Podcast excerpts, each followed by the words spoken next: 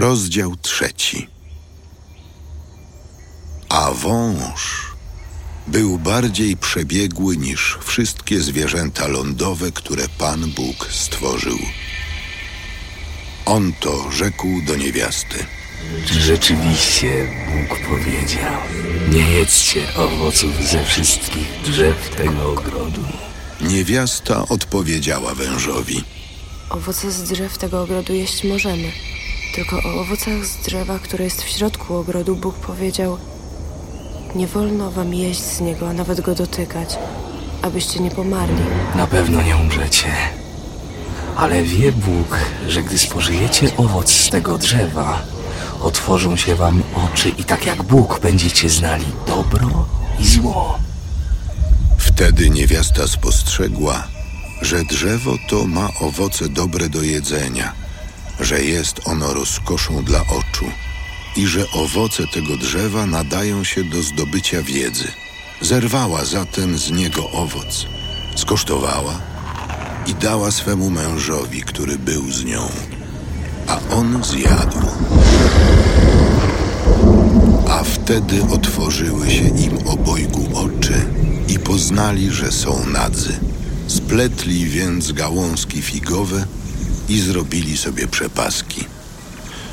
Gdy zaś mężczyzna i jego żona usłyszeli kroki Pana Boga, przechadzającego się po ogrodzie w porze powiewu wiatru, skryli się przed Panem Bogiem wśród drzew ogrodu. Pan Bóg zawołał na mężczyznę i zapytał go. Gdzie jesteś? On odpowiedział. Usłyszałem twój głos w ogrodzie. Przestraszyłem się, bo jestem nagi i ukryłem się. Któż ci powiedział, że jesteś nagi? Czy może zjadłeś z drzewa, z którego zakazałem ci jeść? Niewiasta, którą postawiłeś przy mnie, dała mi owoc z tego drzewa i zjadłem. Wtedy Pan Bóg rzekł do niewiasty. Dlaczego to uczyniłaś? Wąż mnie zwiódł i zjadłam. Wtedy Pan Bóg rzekł do węża. Ponieważ to uczyniłeś, bądź przeklęty wśród wszystkich zwierząt domowych i dzikich. Na brzuchu będziesz się czołgał i proch będziesz jadł po wszystkie dni twego istnienia. Wprowadzam nieprzyjaźń między ciebie a niewiastę, pomiędzy potomstwo twoje a potomstwo jej.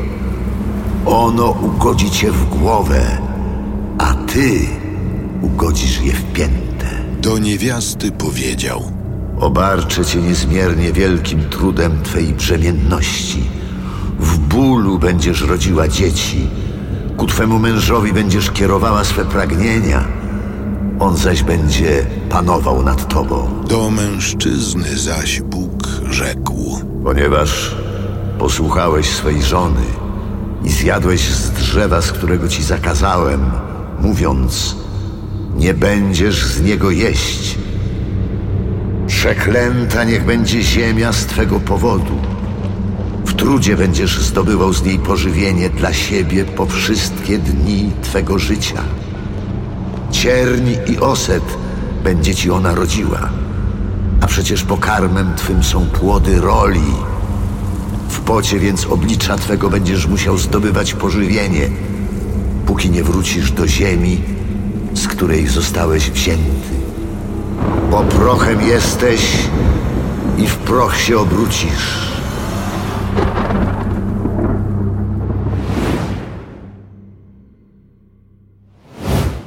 Mężczyzna dał swej żonie imię Ewa, bo ona stała się matką wszystkich żyjących. Pan Bóg sporządził dla mężczyzny i dla jego żony odzienie ze skór i przyodział ich. Po czym Pan Bóg rzekł: Oto człowiek stał się jak jeden z nas. Zna dobro i zło.